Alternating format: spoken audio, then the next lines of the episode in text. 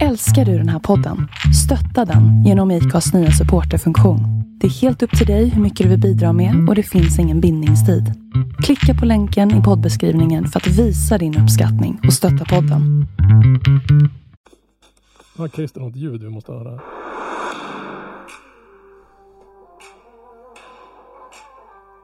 Ja, jag trodde han skulle spela någon, någon vad hon nu hette där.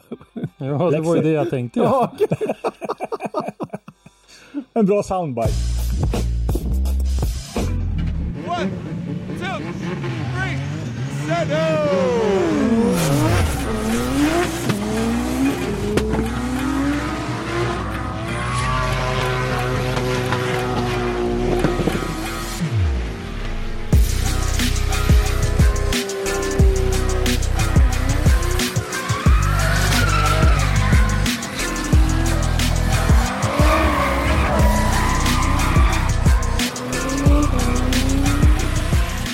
dagens avsnitt så kommer vi leverera enorma bomber. Jag tänker på vad vi har suttit och diskuterat om innan. Vi, vi har precis konstaterat ett av dragplåstren på Iron Drift King är en tysk porrstjärna och så börjar Henrik Andersson veckans avsnitt med att vi ska leverera enorma bomber. Jo. kan bli jobbigt. Eh, Tjena välkomna till ett nytt avsnitt av Driftpodden med mig, Henrik Andersson. Ja, ja, ich bin Christer Hägglund. Robban Strandberg. Vad sämst det är. Tyskland. Alltså, alltså de har ju liksom fattat vad är det som säljer. men alltså, är det- Vad är det som drar folk? Ja. Mm. Men är det rätt drag liksom? Porr? Mm, nej, det är det väl inte, men Jag, jag hade ju tyvärr, alltså det här, det här, ingen kommer ju köpa det jag säger nu, men jag hade ingen aning om vem man var så jag var tvungen att googla. Ja, Ingen köper ju det där. Ja, och det var ju inte så här, jag trodde det kunde vara typ någon så här lättklädd modell, typ så här. Och det är hon ju för hon är väldigt lättklädd kan jag säga. fast hon har väldigt ofta sällskap vad det verkar. Ja, hon har mer saker i sig än på sig om vi säger så. Ja, Ja, men fa- fast det vore ju rätt så läckert egentligen att ha en autograf. Det beror på Bara vad för det på kroppen då tänker du? Nej, på papper. Men På alltså, Ja, papper okej. tänker du? ja. Ja, jag har fått James Deans autograf på papper till min son. Ja. Mm, mm, mm. jag hade kunnat ta den, den där autografen till mig själv då. i. Ja. Eller till din grabb, han kanske hade eh, blivit glad. Ja, det tror jag säkert. Ja. I alla fall, vi kommer prata väldigt mycket om Drifting. Ja, ja drifting. Eh, Vi har lite, vi har lite grann om DMEC som har varit då. Vi har lite grann om Piotr och vi har lite grann om Formula Drift. Och sen så har vi också Drift Games. Lite grann. Eh, och sen så kommer vi till DMEC. Som. Ferropolis. Mm. Ferropolis, som kommer ja. Mm. Och lite runt det. Och även den tävlingen som samkörs, vilket är Iron Drift King. Så det är så ser väl eh, funktionen ut idag. Och det här ska vi få försöka hinna med idag. Anledningen till att det blir ett sånt här kaosartat jäkla avsnitt är att folk har ju hållit på och haft semestrar och varit iväg och gjort grejer och inte kunnat sitta hemma och Och poddmeckat. Ja. Mm. Det var det ganska skönt måste jag säga. Det var faktiskt ett välbehövligt avbrott. Speciellt för, för mig som spenderar okristligt mycket tid ibland med att sitta och redigera den här podden. Det var faktiskt en dag, jag brukar, vi brukar vanligtvis spela in det på tisdagar, nu gör vi det på en onsdag. Men på onsdagar brukar jag sitta och tokgrundredigera och fixa bort oljud och såna grejer. Och i ons, eh, första onsdagen vi hade, då satt jag bara, jaha, fan gör man, vad fan gör man på en onsdag liksom? Du brukar ju prata om att det är bättre med en skinkmacka än det där som jag brukar Ja, ja föreslå. men precis. Jo, men en skinkmacka är fan inte fel alltså. Det är riktigt jävla fet skinkmacka. Ska vi börja i Riga tror ni, eller vad säger ni? Det kan man väl Ja, vi, vi börjar väl det som varit helt enkelt. Mm. Ja. Ehm, jag tänkte säga så här att eh, det var ju delvis the, the usual suspects när man tittar på kvalet. Mm. Eh, Ja. De är som brukar hänga där, men samtidigt inte. Eh, jag tänker på Piotr Wiesek och Conor Shanahan är ju två av dem där som man är van att se där uppe. Eh, Piotr 98 poäng, Conor 94. Men sen vart ju Kevin Pesur. Eh, det är väl det bästa kvalresultat jag har sett honom göra någon gång på en tredje plats där med 93. ja. Ja, men det måste det vara.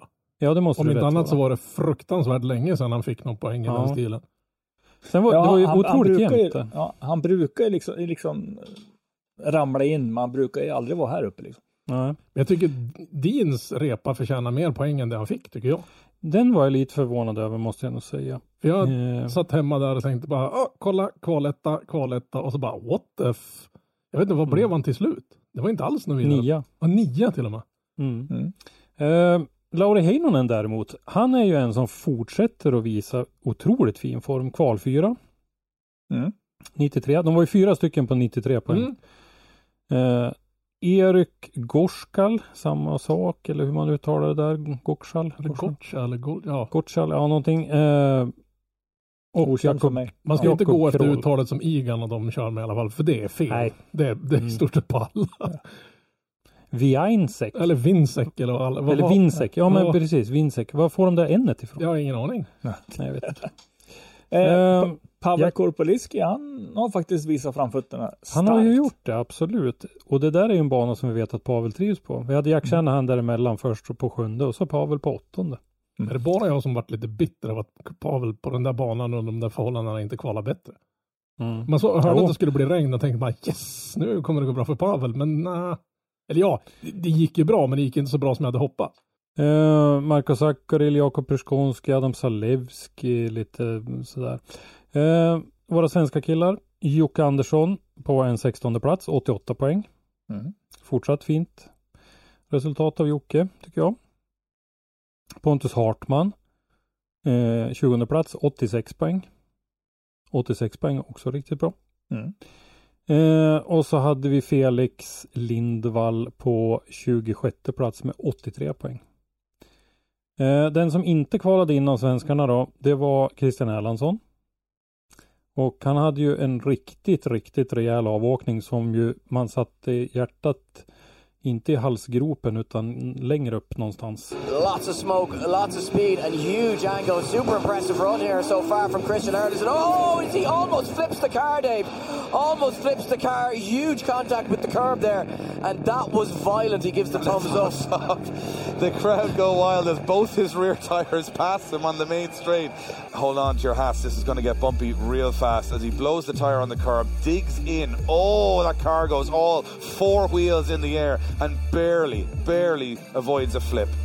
Look how violent this is about to get. All four wheels are going to come off the ground here. Look at this. Hits it. Boom. Car goes in the air, spins like a top. And he's actually counter steering at this point to try and get himself going again. But he hasn't got a tire left on the back of the car. Ja, Det hade kunnat gått hur som helst. Ja, men Ja. jag, jag var ju bombsäker på att det där var det sista vi skulle se av Erlandsson bakom en driftingratt på några år. Det där såg fan Ja. vidrigt ut. Det där var, och, och, så, och så bara ser man han slänga upp dörren och så bara tumme upp. Liksom. Men vadå tumme upp? Har du fått en chock eller vad är det för Det kan ju omöjligt vara någon form av tumme upp. Sitt still, vänta tills de kommer med plankan och fixerar din nacke liksom. Mm. Det såg ju vidrigt ut. Nej men och bilen verkar ju ha klarat sig. Det var väl bara någon hjulupphängning och sådär Ja, som men de behövde byta. fälgar och någon stag tror jag det var. Ja. Jag får med Dennis sa någonting om det. Ja, för den, men den slog ju ner bra hårt. Alltså, menar, kom hur, hur fan kan bilen ha, ha, ha klarat den där smällen? För det, vi, vi pratar ju inte, om ni inte har sett det där så skar han ut i zon 4 där alla andra skar ut. Och gjorde ju någon, eh, hade det varit, han, jag tror han förväxlar den här bedömningssporten med en annan bedömningssport, där söta flickor med skridskor på is. De brukar också göra sådana där grejer för sig. Och mig inte om- Erlandsson, men han är fan ingen liten söt flicka på is i alla fall. Men Eh, Och det tog ju stopp något så fruktansvärt. Ja, det gjorde det. Och det är bara ett bevis på att har man bra hjälm och, eller, och nackkrage och framförallt de här stolarna med de här öronlapparna på. Jag tror det har varit en hyfsad räddning för det där måste ha varit en jävla smäll i sidled. Precis, ska vi hjälpa till och slå ett litet slag för det? Ni som håller på och kör även på lägre nivåer. Tänk på det där att en människa som är duktig på att sätta upp en racestol och bältessystem och grejer för racing behöver nödvändigtvis inte vara duktig på det för en driftingbil. För det är ju lite andra krafter som verkar och, och lite andra riktningar och sådär. Så se till att ta hjälp av, av någon som verkligen kan det ifrån de här stora etablerade leverantörerna av, av säkerhetsutrustning. För hade inte Christian haft ordning på sin säkerhetsutrustning där, då hade det där gått illa. Då har det varit ambulanser och sjukhus ja, i bra ja. länge. Och bara det, speciellt när det gäller stolar och bälten och grejer. Att köp inte bara en, en ballstol och ett coolt bälte, smacka in och tro att det är okej. För liksom det, är- det är mycket hur, hur lång din rygg är och sådana saker. Men bara för att den där stolen, bara för att din kompis har en säte som är jättebra betyder inte det att du har samma kroppsform så att bälten och sånt kanske hamnar fel i förhållandevis till hur lång du är eller de här eh, vad ska man säga, öronskydden eller öronlapparna eller vad fan man ska kalla dem för. De kanske Mm. hamnar för högt upp eller för långt ner så dina axlar är i vägen och såna här stolar. Och då kan det ju till och med bli värre. Ja, ja, fan, du kan ju skada Mm. dig på stolen och framförallt det här med bälten och, och vinklar och sånt på det. Det skulle Mm. Kanske ta har, vi- och har vi alltså, hugga vi tag i ju- ett par un, av de här säkerhetsnissarna under Ja. vintern och göra någon hård, speciellt en driftingfokuserad. För det är många som har haft någon sån här, så här mäter du din storlek till en racingbil och grejer. Men det är kanske som du säger andra saker i drifting och sådär. Jag tror säkert de flesta känner till det redan. Jan Persson på Mm. Simpson. Vi favoriserar ingen i den här podden, men Jan Persson på Simpson är en otroligt duktig person inom det här och han är otroligt generös med att dela med sig av sina kunskaper. Så sök på Youtube och sådär om ni inte har gjort det innan och titta lite grann på sådana där grejer så, så kommer ni och, och ta kontakt med, med Jan för han säljer ju Simpsons produkter i Sverige eller Europa. precis. Och jag skulle bara vilja flika in så här att initiellt kanske det ser ut som mycket pengar, men det är småpotatis jämfört med skador.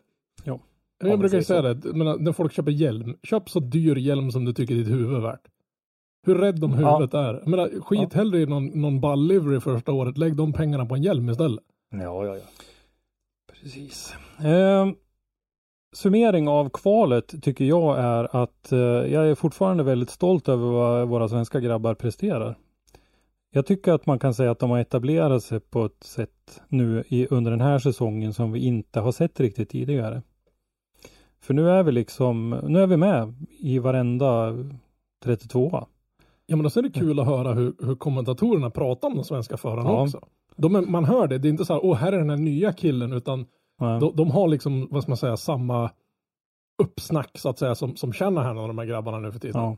Mm. Och det är inte plats 29, 30 och 32 Nej, utan nu är det liksom 16, 20 och 26. Jag Och, menar, de har och, ju bevisat att de är där för att hävda sig. precis, Felix Lindvall 83 poäng var, var längst ner av svenskarna då liksom och, och det är li- 10 poäng ifrån en, en tredje plats i kvalet. Så det är ju väldigt tajt. Oh ja, de, är, oh ja. De är liksom 23 förare på de där 10 poängen. Det är fan sjukt. Det, det är nästan som att sitta och titta på något kval i Indycar när det skiljer två tiondelar mellan ettan och den som ligger 27 liksom. Ja. Det är helt bisarrt. ja, nej men eh, bra genomfört kval tycker jag. Mm. Och sen är det alltid Riga och det är alltid alltså, mycket kämpa och det är mycket, vad ska man säga, mytomspunnen tävling. Det är Mm. liksom, det är liksom Och vi hade ju folk på årets höjdpunkt. Ja, Även den här gången. Eh, Vi hade Dennis som ju då var lite teamfotograf som jag förstod det åt eh, Christian Erlandsson. Yes. Men även rapporterade för Motorsportmagasinets del naturligtvis. Och så hade vi eh, Mattias Lago och Ann-Sofie som var där också. Mm. Och gjorde lite film och lite allt möjligt. Kul att vi kan ha representation. mm, verkligen. Lite avundsjuk faktiskt att man Ja. Jag tänkte det i början, för min, min plan var ju att åka ner på den där vändan i år. Jag tänkte någon gång måste jag åka och titta på den. Sen vart det jobb och andra har semester så det är svårt att förklara för chefen att vi måste stänga ner hela den här generalagenturen för jag ska åka och titta på bilar som sladdar efter en betongmur. Inte riktigt vad han tyckte var vitalt. Men eh, när man satt hemma och kollade sen under tävlingen så var man lite småglad att man satt hemma i tar, tarvmiljö och kollade på det. Eh, en sak jag glömde med kvalet var ju där att jag tänkte att Nicknack är ju en, en eh, kille, Nicolas Berthans, det är ju en kille som det är lite fokus på och sådär. Mm. Och han kvalade ju tyvärr in som 32 år så då hade ju inte han en chans att gå vidare. Eller? Eller? Eller? Eh, Det, det, det, sker, det är ingen som hade informerat han om att det är så det fungerar i vanliga fall. Han är lite som den där humlan och sådana där myten om att man inte ska kunna flyga och så vidare. Just det. Ja, det är ju faktiskt en myt. Ja. Man har ju lyckats studera det nu att de, de eh, svänger in vingarna på ett sätt som man inte har lyckats studera förut. Så att, eh, nu, att det- det nu där- finns det en förklaring till varför de flyger. Det där är lite som att ramla i vattnet och konstatera att man blir blöt när man gör det. Jag har sett en humla flyga. Då borde den logiskt sett kunna flyga också. Nu, är du- nu är du filosof, inte vetenskapsman. Ja, ja, i och för sig. Jag tänker alltså finns jag. Ja, precis. Ehm, Ett, Nej, men- ledord, eh, alltså ett ledord vi kan ta här i Riga på en gång. Det är att jag tror inte jag har faktiskt varit med om en tävling som har haft så mycket incidenter. Under fighterna. nu kommer jag få hela Sverige emot mig, men jag tycker den här tävlingen sög. Så pass mycket så att jag, jag såg, jag gav upp. När, Ja, jag har inte det- sett ja, hela det- heller. Nej, Det, det blir ju så hackat när det blir stopp för krasch och krasch. Och, Ja, men alltså, och det här regnet, det, Ja. är, det, det är inte roligt. Vi diskuterade lite grann häromdagen. Henrik Lindberg är ju en fotograf som eh, fotar lite åt oss eh, och han var på eh, EM dragracingen i Tierp. Mm.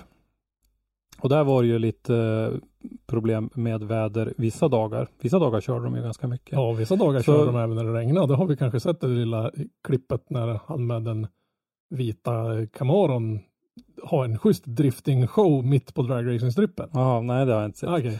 Men jag sa det att det är ju både en fördel och nackdel med driftingen att där kör vi ju när, även när det regnar. Men problemet är ju att det blir ju lika intressant som att titta när målarfärg torkar. Ja, ungefär. Det Ja. blir ju ingenting av det. Jag, jag höll ut fram till Allt det. jag älskar med driftingen försvinner. Ja men det blir ju ingen drifting. Det blir ju liksom Nej. bara försöka överleva, hanka sig igenom. Då känns det som att då är det Precis. nästan bättre att försöka Ja nu, nu är det en jätteapparat och, och skjuta på det några timmar eller ta det dagen Jo. efter eller någonting sånt här. Men när det är så här, det är liksom äh, Jag vet inte, det, det, det är inte Det känns inte som att det är så mycket skicklighet som avgör utan det är mer jävla bonröta. Känns det som. Mm. När det är så där extremt halt på en sån där bana som är så indränkt i, i gummi så att säga. Och inga försök till att köra med, inte vad vi såg i alla fall, försök till att köra med någon form av eh, sopmaskin eller någonting och få bort det värsta. För jag menar i, i sista zonen eller vad ska man säga i, i transition, transition in till den här långa muren på slutet. Det var det ju en vattenpöl som var decimeter djup. Eh, Vi kan ju ställa frågan till, till eh, våra kära lyssnare. Är det för mycket till exempel livestream-styrning där de säger att nej, det får inte vara de här avbrotten. Det måste rulla. Men det är klart det blir ju det. För menar, det, det är ju liksom hela spektaklet, livestreamen som är tävlingen. Så att säga. Men det här är ett kommersiellt jippo den här tävlingen. Det kan vi inte sticka under stolen med. Det är inget liksom. Nej, jag tycker DMEC har ju varit mindre eh, kommersiellt Mm. jippo än vad FD har varit. För där tycker Ja, ja. jag att det är lite de här eh, wrestling-vibbarna ibland. Ja, Men, det, det är reklampauser och grejer. Alltså. Hade- Ja, inte riktigt lika mycket som den där eh, pickup-klassen med där han äger bilarna, han som råkar vinna varje tävling som vi diskuterar i chatten. Någon, Hä?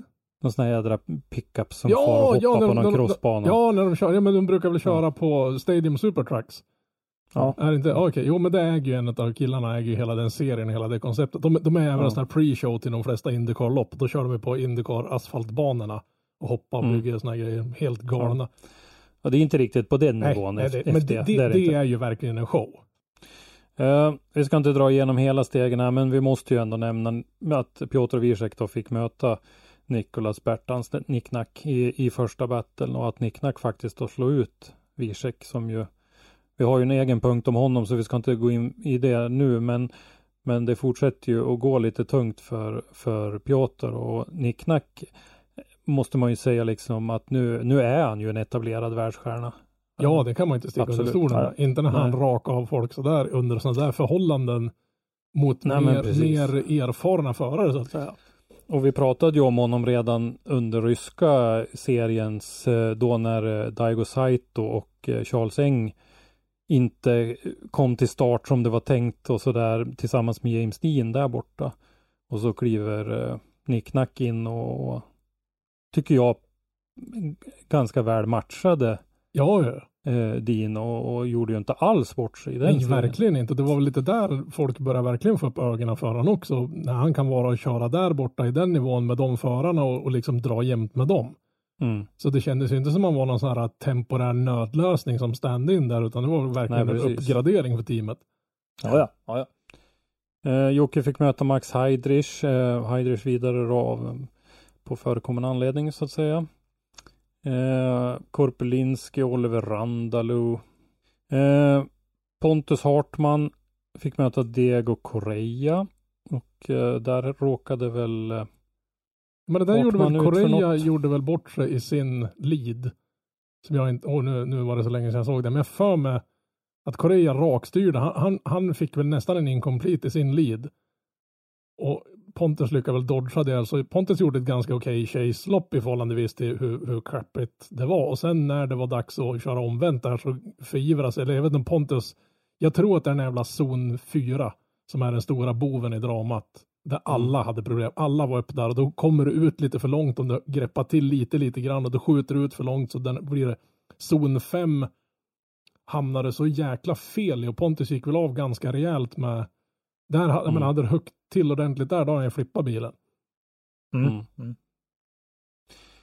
Surt att det uh, hände så, för annars hade han varit sure thing där om det inte hade mm. Äh, jävligt bittert. Han var säkert jävligt sur på sig själv där.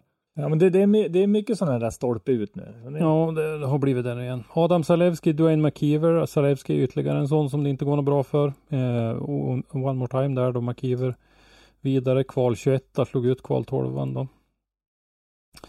Eh, ja, finsk battle. Pöytolaxo mot Peltola. Mm. Pythonlaxen vidare där. Och det där Peltola snurrar bort sig.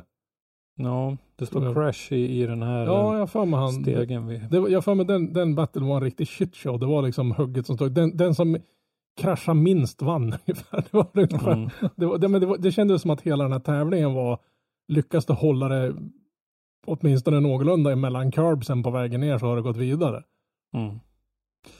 Eh, en som inte hade någon vidare tur då i, i kvalet, eh, det var ju Felix Lindvall som eh, råkade på Jack Shanahan. Mm. 32an, eh, kval 7 och i form. Ja, han verkar ha blivit ganska bekväm med den där jättepromen ändå på så pass kort tid. Det slog mig nu först i helgen, jag, man har inte reflekterat, det där är ju en fruktansvärt stor bil han har köpt. Mm. Den är ju fan, och speciellt om man såg mot känner hans jäkla go-kart nästan. Den är ju fan horribelt stor den här saken. Det är väl det att hela, allt ifrån bakrutan och bakåt är bara ett enda plaststycke så den väger väl kanske inte så mycket men den, mm. den ser ju fruktansvärt otymplig ut. Mm. Ja. Sen äh, vet jag inte riktigt, äh, ska vi hoppa fram till topp fyra eller vad säger ni? Mm, men vi kan väl, behöver väl inte liksom ta upp hela, hela avsnittet med den här tävlingen som nej, nej, de flesta nej. har sett. Nicholas Bertans och Nick Nack fick möta Dwayne McKeever i den ena semifinalen och Jack Shanahan mot Joa Rintanen mm. i den andra. Eh, och då var det Jack Shanahan och Nick Nack som fick köra final som Shanahan tog hem och Joa Rintanen vann över Dwayne McKeever i batten för tredje. Jag tycker det är superkul att Rintanen är med och eh, han, han har nog kört rätt mycket is i sina dagar, för han såg fan inte ut som att det bekom han det minsta att det var speciellt halt där nere. Ja. Eller så är det att den där bilen är verkligen den är jag, ny. Den är, ja, men, det är ju men, fantastiskt att han har fått till den så snabbt. Eller så vet mm. han verkligen vad det var han var ute efter och han har ett gäng som ja. är jäkligt duktig på att bygga bilar. Han kanske var duktig att förmedla den informationen han vill mm. mot de som hjälper till att bygga bilen så att han fick den rätt från början. För det såg vi bara i Fällfors att det såg ut, men jämför man med året innan och den där, det är liksom två helt skilda människor. Mm.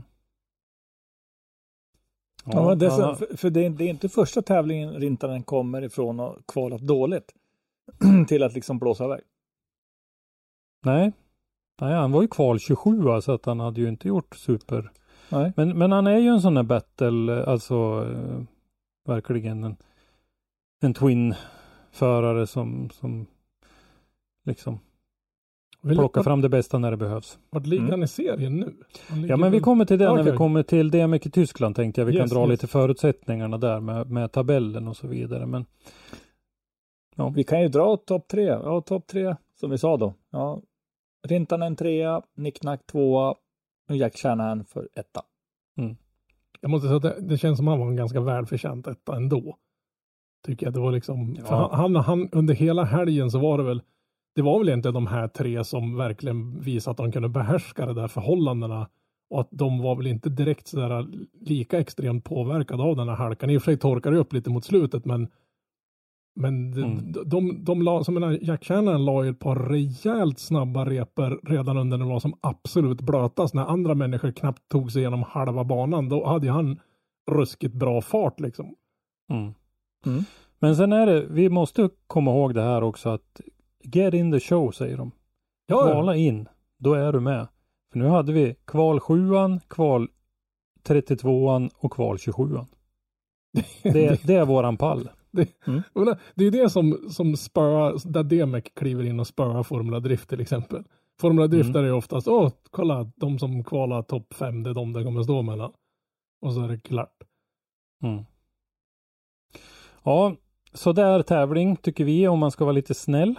Ja, Ja, det är, nog- jag menar, alltså, den där banan är ju makalös när det är torrt och bra. Då är det där en Ja. av de mest spektakulära grejerna. Den är lika bra när det är torrt och fint som den är värdelös när det är blött.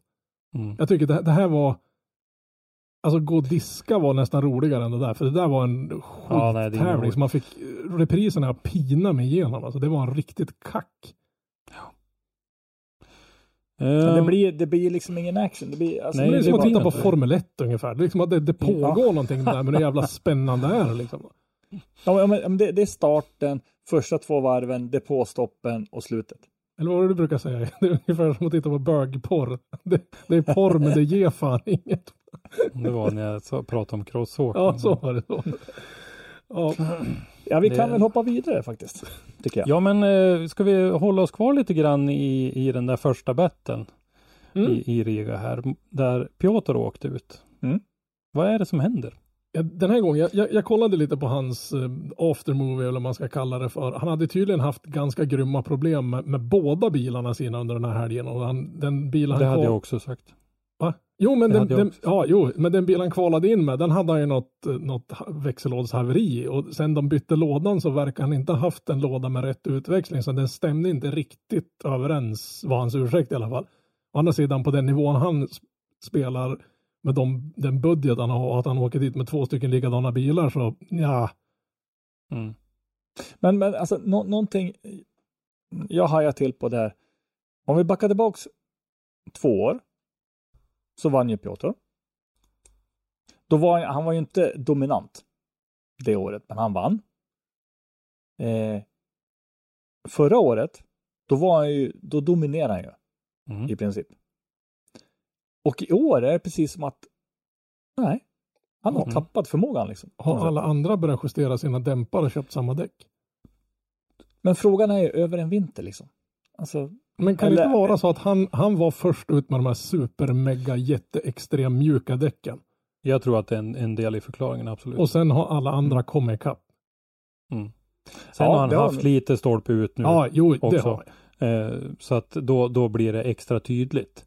Men eh, jag, jag tror absolut att det är eh, Sen kan det vara så, sån här eh, enkel sak som att eh, i våran värld så tror ju vi att när det blir lågsäsong och ingen kör, då river de ner sina bilar. Jag tror han river sin bil. minst. Jag tror han river sin bil ett par gånger i veckan. Nej men alltså. Ja, men alltså i sina beståndsdelar, kollar och byter ut. Men tänk om man inte har gjort det.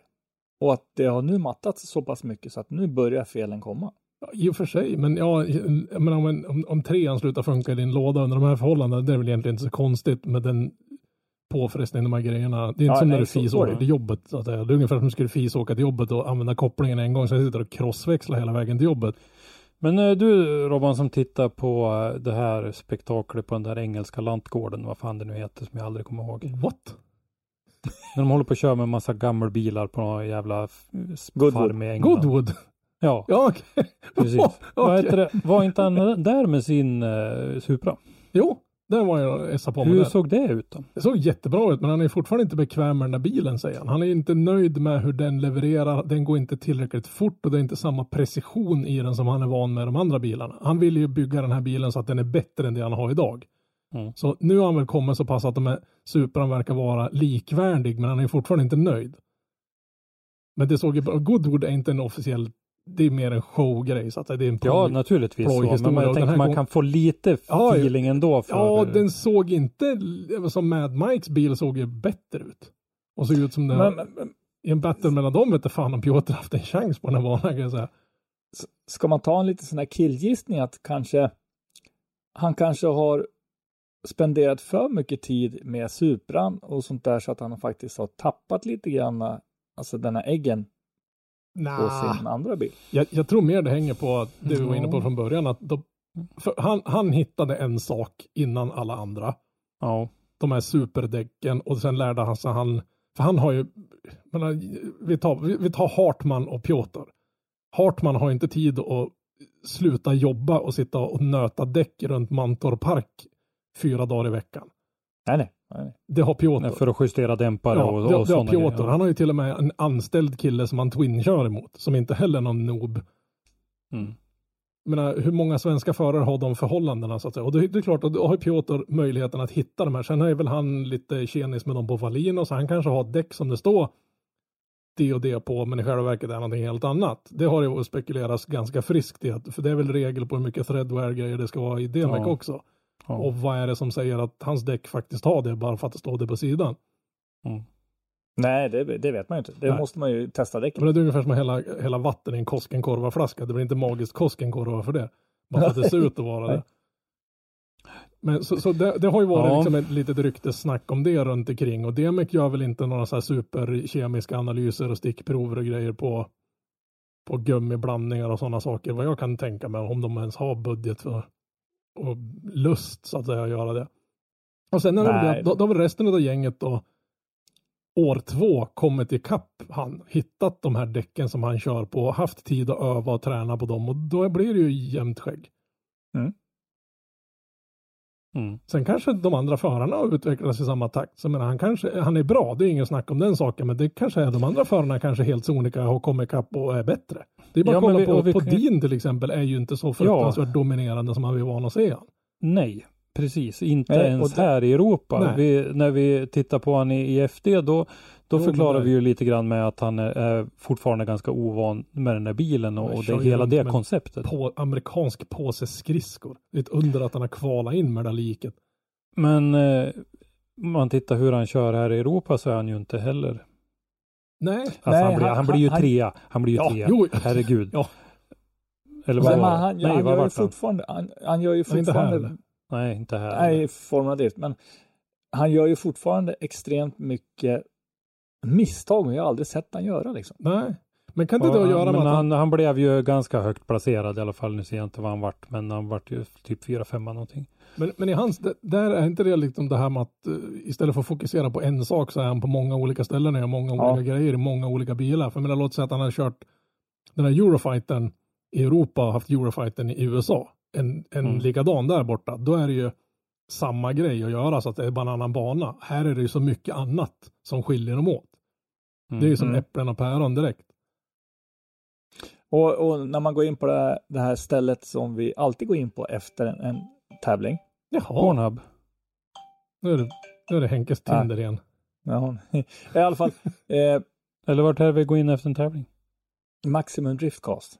Ja, jag trodde du menade titta på vad Pornhub. Ja, jag går alltid in på porno. Jaha, ja nej. Eh, Den här, vi kommer få det så här X-rated den här gången. Ja, Det har börjat bli väldigt mycket snack om dels banorna och däcken. mm. Mm. Det flammar ju upp ibland däcken, men det blir mer och mer. Men det är väl både FD och, Mm. och DMEC har det varit jäkla snack Ja, det har det absolut. Det där tycker jag, det, det där har jag en liten grej och- som vi kommer tillbaka till när vi börjar prata FD i detalj. Eh, så att absolut så, så är det en diskussion där. Men eh, de andra har nog utvecklats tror jag är en ganska stor del av förklaringen och kommit i- ikapp Piotr och, och James. Mm. Eh, Och sen har de Men, eh, båda två visat att de är mänskliga de också. mm, Ja, de har fått en liten buckla i liksom sin, sin, mm. sin sköld så att säga. Så menar, folk har sett att haha, kolla det går att tvåla till dem där. För menar, myten har liksom rasat lite grann. Jo, jo. Men eh, när vi ändå är inne och tassar på det då ska vi kliva in och titta lite grann på Formula Drift Seattle. Mm. Där eh, tycker jag att eh, Matt Field, Odi Bakshis, Simon Olsen. Mm. Om vi pratar kvalresultat. Travis Reeder, Fredrik Åsbö, Dylan Hughes, James Dean, eh, Chris Forsberg. Chris Forsberg, Chelsea Denofa och så den här Higa. Heter han inte, ju- vad heter han? Heter han Diego? Eller vad heter han? Gud. Ja, någonting sånt. Han Ja. är brasilianare va? Ja, jag tror det. Som ju faktiskt gör eh, riktigt bra ifrån sig. Men eh, utropstecknet återigen Simon Olsen. Ja, han har fått fart under. Såg, såg ni hans kvalrepa? Nej. sök rätt på den och så är han inte ett utropstecken längre. Oh my god, kan jag säga. Jag är, jag är, bara, jag är lack på, men hur kan han inte ha fått mer poäng för det där? Varför vart inte han kvaletta? Han var mycket bättre än de andra två. För alltså det, nu, nu får Nu Aspen har han börjat blivit etablerad också. Har ni, tänkte ni på en, en kommentar, nu kommer jag inte ihåg vart jag hörde den, det måste ju ha varit i eh, livestreamen. Eh, nu kop- återkopplar jag lite grann till Riga, men där man säger att eh, ja men den och den föraren, han fick ganska lite poäng för det där var ju ett bra åk. Ja men det är nackdelen med att köra tidigt. Mm, What? Det ska inte. fan vara samma poäng Ja, om du kör tidigt eller om du kör sent. De som sitter och tittar på det här, de ska vara de tre bästa gubbarna i Europa på det här. De ska ha sett så många åk under den här helgen. Så att när första föraren kommer, oavsett om det är Nicknack, Mika Keskikorpi eller, Eller du. Klint van Ort, så spelar det ingen roll. Han ska ha de poäng som han har rätt. Förtjänar. ja. Och det, ja, det finns inga ursäkter. Nej, men det ska inte liksom så här byggas upp. Poängen ska Nej. inte byggas upp och det, det är ju det den verkar göra och det har jag Ja. sett lite tendenser i DMEC också att det gör. Ja, Och för de som kör sent, Ja men det var, nu var, det var det jag hörde Okej. den där kommentaren. Ja. Ja, för annars, men- FD har det ju varit så hela tiden. Men du kan Ja. sätta en 100 poängsrepa första 20 minuterna under kvalet, men du kommer inte få något mer än 65 för den ändå. Nej. Otroligt tråkigt. Eh, och så får det inte vara. Eh, jag tycker fortfarande att det är lite intressant. Jag har inte läst på om det, men att man har bytt till det här eh, så att man får de här decimalpoängen i, i Formula Drift. Mm. Så att man eh, varje bedömare sätter en utifrån 100 poäng. mm.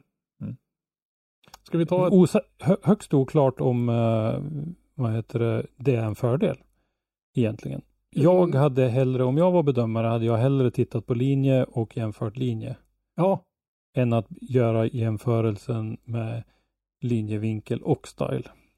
ja nej, men det, det är väl lättare att bedöma också om du bara fokuserar på en Mm. del åt gången så att säga. jag kan tänka mig att det är nog väldigt mycket lättare att faktiskt missa grejer om du ska fokusera Mm. på alla tre. Oh ja. Ja. Eh, jag tänker mig att är det någon som har lite info på det där och någon som vet, någon som har pratat med Ryan Lantain eller någon annan och fått lite info kring varför de verkar ha gått tillbaka till det där systemet så får ni gärna höra av er för det där är vi lite nyfikna på. Ja. När det gäller eh, överlag den här FD-tävlingen så tycker jag att jag tycker att det var väldigt mycket fladdrig körning. Mm.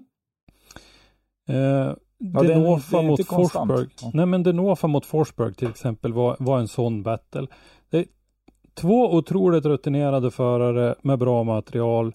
Det går fort och det går brett.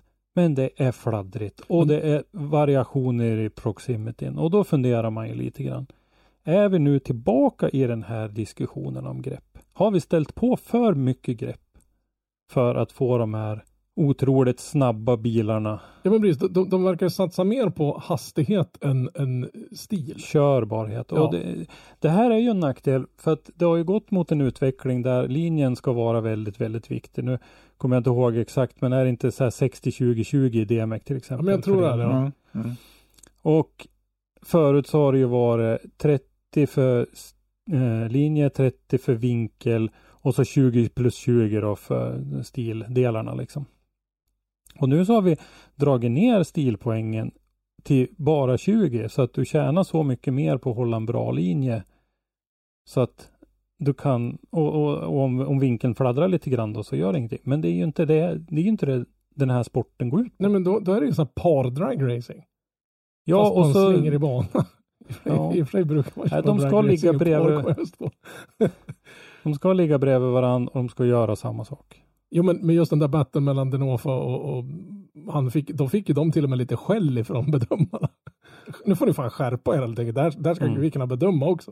Ja, det Ja. var en, en allmän eh, liten reflektion så där i, i början att eh, jag tyckte att det var allmänt ganska fladdrigt. Eh, lite Åsbö mot eh, Turk eh, också lite samma Det, sak. var- där. ja, men det, det, den var jag nästan mer förvånad För de två har ju varit, men Denofa har ju alltid varit ganska fladdrig och wild. Liksom. Det har ju varit mer show än någonting annat. Medan medan Åsby och, och Turk har ju varit liksom två stycken små, vad ska man säga, precisionsförare om man kan kalla det för det. Nu är det så här att det är jättevarmt inne på mitt kontor. Ja. Och eh, min son har precis fått igång det här Volvo Monstret Jaha, som han håller på att meka med. Så att eh, nu får ni ta det. Shit happens. Ja. Ja, men det är driftspodden. Det ska ju vara motljud. Ja, det hör till. Men, men det, det är samma sak, eh, en sån här grej som ta Simon Olsens 32 battle mot vagn. D- Där, där de på något sätt blir chockade i starten och hamnar efter. Ja, Och så stressar de på som tusan och för mycket så att han blir tvungen att rakköra, bumpar till Olsen så att han får då en 10 minutare. Ja men det, det är ju sånt också. Det är sån jävla hastighet i bilarna så om du inte riktigt är med på, på, på julgranen, för det är i stort sett det Ja. man måste införa här snart. Har, sitter och sover där efter att ha stageat in. Så, så blir det frånåkt och då är ditt lopp över om du inte chansar. Ja. Och då måste Ja. du chansa genom att hålla så kopiöst mycket högre fart för att få någon proximity. Försöka hinna få till någon liten initiering i det hela och hoppas på att det inte smäller. Alltså då har det ju gått åt helvete när det börjar bli så. Ja. Mm. Och det är många sådana fighter vi ser. Eh, Kan, kan det bero på att men många av de här Formula Driftbanorna har ju, en- de laddar ju in i en lång jävla banking. Ja. Och de Ofta, tävlingarna, ja. vad hette den där tävlingen som gick inne på någon innerplan för ett litet tag sedan som jag tyckte var så jäkla kul. Där det var mycket betong och det var, Eller var det English Town? det? ja, ja men så, ja, men så det. Ja. det. Det är mer liksom riktig drifting där tycker jag. Mm. I och för sig, det är roligt när det går fort. Det är ju inget snack om det. Men det ska inte vara så att det bara går fort. Nej, det får inte ta över som, som jag tycker att det har gjort på, alltså på bekostnad av de här stildelarna. Nej. Men jag tycker att man har styrt det där åt i och med den här poängfördelningen, tyvärr. Mm. Jo men, jo, men det, så blir det. Det blir ju liksom en, en, en, en logisk följd av det hela. Du vet att Ja. det här är dina parametrar som du kan spela inom. Kan du då f- använda någon av dina egenskaper till din favör så att oftast är det ju massiv hastighet som gäller. Ja, eh, vi hade några, jag tycker den här eh, battlen mellan, eh, nu pratar jag topp 16 här, eh, mellan James Dean och den här Higa. Jag skulle vilja gå tillbaka till topp 32 och, och det faktum att James Dean har en jävla bondröta att han är med i topp 16.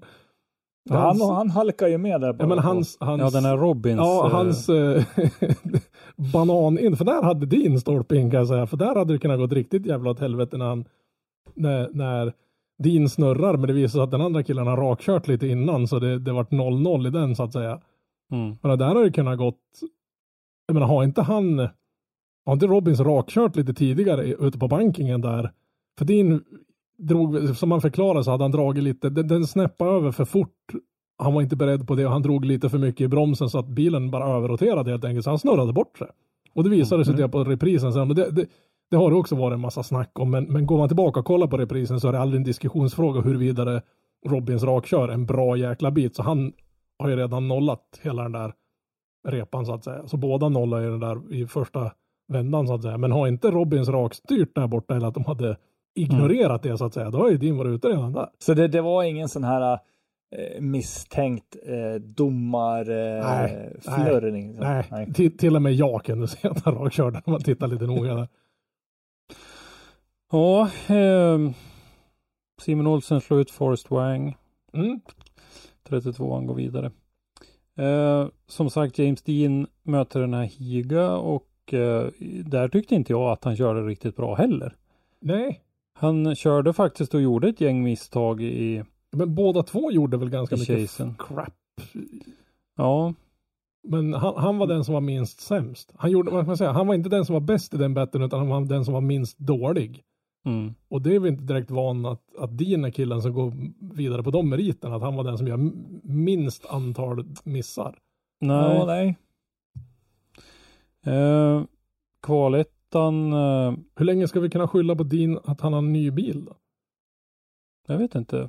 Vi kommer väl lite till en sammanfattning i slutet här för det gick ju ändå rätt bra den här Mm, ja, gången. jo det gjorde det. Eh, men eh, jag vet inte.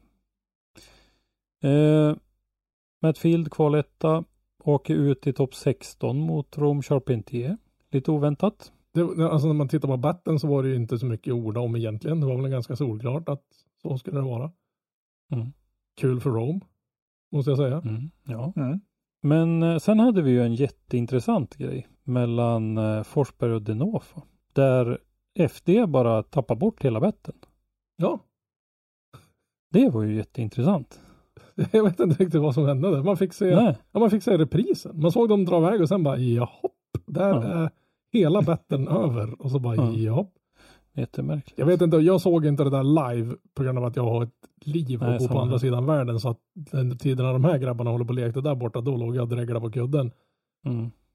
Det kan ju ha blivit en sån här kommunikationsmiss där det blivit ett reklaminslag Men- till exempel. Ja, eller, eller att det bara sket sig med liven så att säga. Eller Ja, ja. med, med in, inspelning. Det så var det ju under, under DMX också. Men jag vet Ja, inte ja. hur många gånger jag såg Hartman göra en initiering och sen insåg jag att nej, det här det blir inte mer idag. Nej, det får väl göra något annat. Nej, där vart det ju också någonting. Ja, Ja, men eh, det blev ju i alla fall en uh, One More Time av den battlen då som Denofa tog hem innan det var färdigt. Men det var ju som sagt fladdrigt och eh, mm, men det var mycket strul. Det var liksom inte bara strul från, och- från de som kör, utan det var ju strul i produktionen och i, och i den batten var det liksom grafiken visade en sak, men bedömarna hade röstat på något helt annat. ja, så det de tyckte var, jag var ju, lite... de var ju inte överens Nej, det var väl enligt två, grafiken. 2-1 till Denofa var det grafiken och sen hör man någon i bakgrunden bara det där är fel liksom. Så, Mm. För då hade alla röstat för, då var det enhälligt domslut så att säga. Men, Ja. men grafiken visar något annat. Mm. Och det kan man ju tycka att en sån här pass meriterad organisation som har hållit på så många år att sådana där missar kan man inte göra vid det här laget. Det känns det som. Nej. Okej om det är liksom Eh, man bytt nej. produktionsbolag till ett gäng som inte har sett drifting tidigare. Att det kan bli lite strul i början men Mm. for fuck's sake. Ja, vi ska komma ihåg att det här är inte första tävlingen i år heller. Nej, Så att jag menar, nej. Nej, nej. Eh, vi hade Åsbö mot Turk. Uh, en riktig eh, battle i, inom teamet så att säga. Mhm. Där eh, tyckte jag att eh, jag blev, vad ska jag säga, jag ska inte säga att jag blev förvånad, men Åsbö var väldigt aggressiv där. Ja, han brukar ju liksom vara, vad ska man säga, metodisk och, och liksom Smooth gans- operator. Ja, men liksom. precis. Han går in och lägger Ja. sig på vinkel och där ligger han kvar på den vinkeln Ja. tills den, den zonen är färdig. Men här såg det har han gått någon kurs hos Chris Forsberg? Det kändes nästan som det. Ja, ja, men det såg, nästan, det såg nästan ut som att eh, Ja, men han såg Alltså- förbannad ut. Hans körstil Ja. var arg på något sätt. Och det är inte riktigt det vi heller är vana vid. ja, men det är ungefär som att nej, jag, jag har sumpat det här nu. Ja, men bara. lite så. Mm. Eller något. Ja, jag vet, det- man vet ju inte vad det Det kan ju vara så att det var någon, någon, någon agg som låg bakom någonstans där. Att han, ja, han var en pissig dag han också. Men han har ju all rätt i världen att ha det också. Men vi är inte vana Mm. att se det där. nej. Ja, Turk går vidare i alla fall och då är ju ettan och tvåan i serien då Ja. redan utslagna tillsammans med kvalettan. För det var ju en av dem, Mm. Matt Field. Eh, så här händer det ju grejer i alla fall. I topp Vilket- 16 dessutom. Men det är, Topp 16. det är lite kul att det Ja. gör det. För det är liksom, det är inte över det här på lång väg. Nej, det är det inte. Ehm, vad hade vi sen? Jo, vi hade Odi Butchis mot Ryan Littoral. Mm. Där tyckte jag att det, där var det ju en hel långtradarlängd mellan dem i början. Men jag tror, där, Jag- måste, där måste det vara där att någon av dem satt och sov på granen. Ja, det säga. måste ha för, varit för det. Audis bil är ju i och för sig snabb, men Litterals bil är inte speciellt. Det är inte, man tittar inte under hans huvud och säger vilka här för jävla slöfolk. Men Nej. jag tror det måste vara det det hängde på. Plus att Audi hade ju en, en jag vet inte, han måste ha de där dämparna kan inte ha varit bättre justerade än vad de var under den här helgen kan jag säga. Nej, det var, det var Kan, kan, kan det vara så att, alltså de har ju belysning, starten. Som visar, men vad säger regeln? För regeln säger ju inte att du ska dra på grönt. Men när det blir Ja, du, har, grönt. du har väl visst lång tid på det som du kan stå Men är det inte så här Formel 1-ljus på det där? Nej, Att de tänds och så sen när de släcks så åker det. Nej, utan jag tror det är mer Men, att jo, men där är det väl va? de, Jo, men det tror jag. det. Det med har den här julgranen medan FD Ja, har de har den här äh, F1. Ja, Ja. ja. det, jag, Att jag de kan- tänds en och en och sen när Ja. de slocknar så sticker de. Ja, jag har för mig det är så. för, för, för att jag tror, eh, Men har inte, men FD har inte de den här äh, det, lampor på sidan av den Jo. här startbågen och Ja, när de jo, slocknar då är det bara att åka. fast det jag misstänker, nu vet ju inte jag, men det jag misstänker varför de missar, det är att de får att på grönt så får leadbilen bestämma när han drar igång. Ja. Men det, det kan ju vara det att, det, jag, jag har inte kollat så noga på starten. Det kan vara att Literal började tjuvdra lite. Och sen höll Audi ut för länge så Littrell var tvungen helt sonika att släppa av för att inte Ja. passera startmål innan Audi har gjort det och sen så drog han iväg och då blir det en för stor lucka emellan där och då, då hänger det ju inte med om turbon börjar tappa lite tryck och så vidare. Mm. Ja, om, om det är något sånt där konstigt liksom. Ja, det där var en dålig battle hela hållen tycker jag. För sen var Audi en bit efter han också i, i sin chase och det är bara fladder. Så jag, jag tycker den där battlen den var otroligt ojämn och det var ingen stil överhuvudtaget. Och sen så blir det ju dessutom ett ganska märkligt domslut då för jag tycker att Audi gör ju en jättemiss mellan, är det mellan zon 2 och 3 Ja. tror jag. Som han gör en gi- gigantisk miss. Och då, då känns det som att de börjar liksom försöka hitta fel hos den andra också så att det ska kunna. Ja. Och Det här börjar bli sådana domslut där man börjar fundera på, hade de redan räknat med att han skulle gå vidare? Ja. Är det någon sponsor som har varit med? Ja men alltså, Tre, det, tre hjul av eller inte var det ju diskussion Ja, ja, men i precis. Maximum Driftcast bland annat. Men, men, men sen också en sån här grej, de förklarar med, ja, Audi gör en stor miss medans Mm, Literal gör gör många mängder små. med små. Ja. Men jag menar, hur ska de kunna väga upp det då? Liksom. Mm. Ska du göra tio små för att de det har ska vara något en eget stor? litet eller? bedömningssystem för det där på sidan om så att säga. Det är liksom en fjärde kategori de bedömer också. Och de ska, kanske skulle ha kört den under hela den här helgen. För det var ju liksom så här, den som jag minst missar går vidare. För det var ju Ja. lite så nästan. Mm. Ja, har vi någon fler eh, favorit eh, battle? Nej, Olsen Castro var ganska bra ur, ur den aspekten att det var Olsen gjorde väl inte så bra lead som man är van att se han göra, men hans chase var och Castro gjorde en skaplig chase, men, Olsens chase var ju helt episk där tycker jag nästan. Men då kan jag göra med att Castro gjorde en bra lead så att det var väldigt lätt för Olsen att Mm. hänga med där. Men Ofta är det ju så. där var, det, var, det var ingen som var ifrån, ingen körde ifrån Olsen i den batten kan jag säga. Mm. Den tyckte jag var jäkla... det, det är så jävla roligt att se också från hur mycket han har utvecklats med det nya teamet han har kommit till och hur fruktansvärt... Vad ska man säga? Vi, vi kan väl säga att, att förra säsongen hängde det på bilen. För så jäkla mycket utveckling som förare kan man väl nästan inte ha hunnit gjort under off-säsongen utan det måste ju vara det att det han sitter och kör nu är så otroligt mycket mer anpassad till han än vad, Mm. än vad den förra bilen var. Visst var det en Supra han körde va? Ja visst. Och det, då kopplar jag tillbaka till det här med Piotr Wiesek och det här med är Supran, den här A90 Supran, är ett bra driftingchassi? Fredrik kör ju med den och lyckas ju. Men Men den är ju aldrig i närheten av så jävla förfinad som S-chassit är. nej. Men du kan inte tänka, men det finns, kan väl inte finnas en bil som är mer optad eller ut, framutvecklad nu för drifting som just S-chassit Nej, det är ju Inte ens BMW-bilarna. Ja, vi rycker framåt tycker jag. Mm. Eh, Topp 8 lite grann. Denofa, Rom Charpentier. Där vet jag inte riktigt om Rom hade något bilproblem eller vad det var. För... Ja, men jag har för de sa någonting om det, men, men jag har inte fått det bekräftat än. Jag har inte fått Nej. ett svar på det. Eh, jag tycker att eh, det såg lite grann ut som i, i första kameravinkeln. Då tyckte jag det såg ut som Denofa rakkörde Mm. i utgången ifrån bankningen.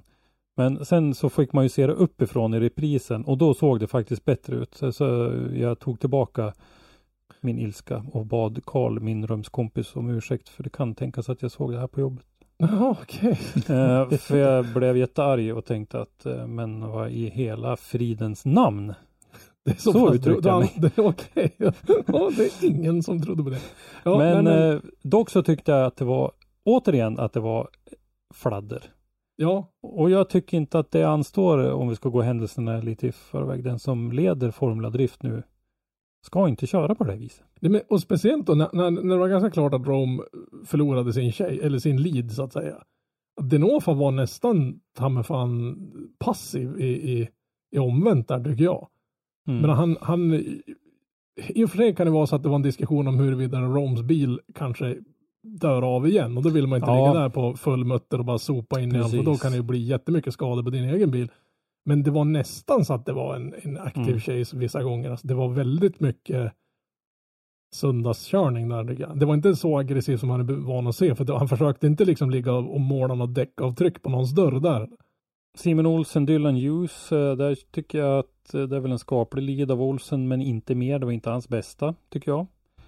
Eh, grunt och kort i några av zonerna, men och sen var, var chasen lite fladdrig då och där vart det ju en sån, sånt här riktigt split decision med en röst på Simen, Mm. en på One More Time och en på Dylan. Att, eh, Det är liksom ingen diskussion om att de, de, de kunde inte enas, punkt slut. nej. Eh, Odi Bakshis mot eh, James Dean var väl också en lite, Ja, där hade Rudin tagit någon liten eh, fem minuter innan för det var något strul. De visste inte vad, om det var någon som pratade om någon vattenpump men sen visade det sig att han hade, hans lustgas hade helt sonika inte funkat. mm. Och då kan det vara lite halvtungt att köra det aset. Ja, Mm. för han har väl, det är ju en sugis det där Ja, med gas. Så att eh, ingen turbo, ingen kompressor utan eh, det är, de förlitar sig på gasen. Eh, men där är vi ju inne på den här diskussionen som jag nämnde nyss då med, med eh, Maximum Driftcast. Är, är det tre hjul av eller är det inte? ja. Och där, där Ja, det där verkar ju vara helt... Ja. Ja, och där anser man ju då att att Audi är av så att han nollar ju bort sig. Men tittar man på batten så att säga så är ju din han är ju av med hela Finlandsfärjan han. Jo, men då, då skyller ju de på att, att Audi leder han av Precis. banan.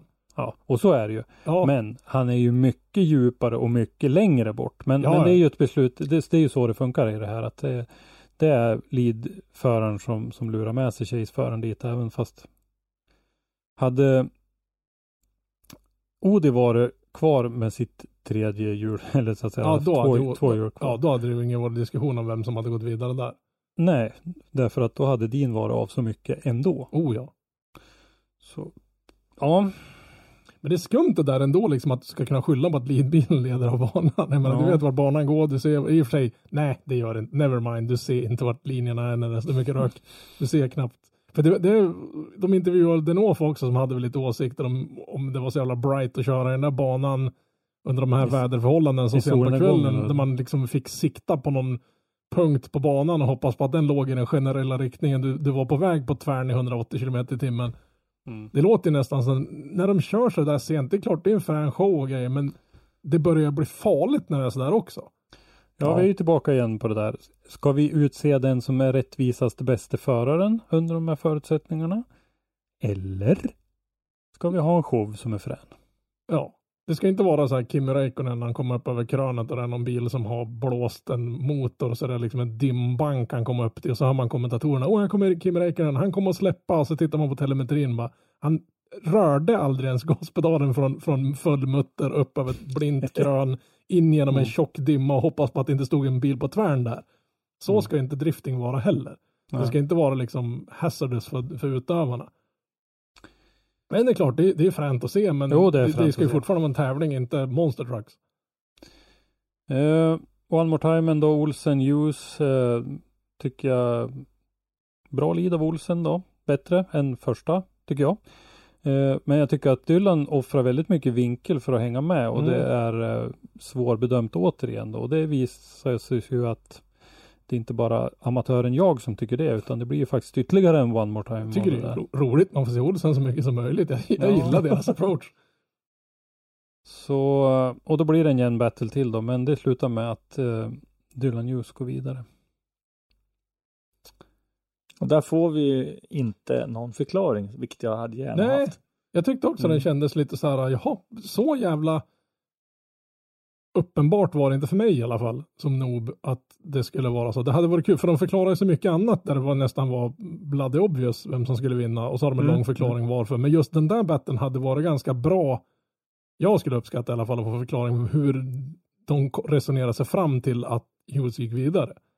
Alltså, nu, nu säger jag inte att det är fel att han gjorde det, men jag vet inte varför han gjorde det. Så jag skulle Nej. vilja ha en förklaring. Mm. Nu kan i och för sig inte hela Formula Drift basera hela sin sändning på att jag inte fattar någonting, för då skulle de här sändningarna vara kopiöst mycket längre. Sen har vi, vi kan ju gå in på topp fyra. Denofa Turk. Mm. Och här ser vi skillnaden på då om du har en Silja Line båt eller om du har en, en liten mygga. Mm. Just i transitions och sånt där.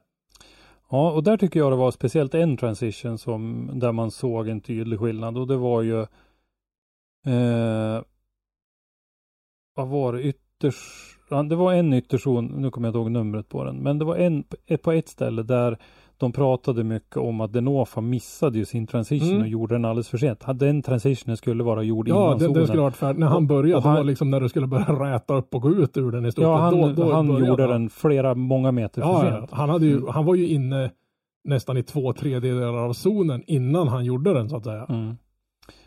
Och eh, som sagt, man upplever ju en otrolig skillnad mellan bilarna och den där lilla. Alltså, lilla Den är, den är som en liten arg geting den här lilla gula saken. ja. Var det inte där också det vart en sån här favorit repris med hoodpins? Alltså, Jo, just det. Där har de ju kompletterat reglerna. Ja, jo, å andra sidan, det, det, det anser jag vara helt rätt. För med de Chase-bilarna har huven öppen lite grann på ena hörnet, det bryr sig nog inte leadbilen ifall han har följt upp och tittat åt andra hållet. Det är inte så att han sitter och Mm. I backspegeln vad som pågår bakom, för då kommer det sluta Ja. halvilla. Lite, lite Ehm. roligt var att det blev att det var just den bilen också och samma jävla Ja. hoodpin som förra gången. Precis.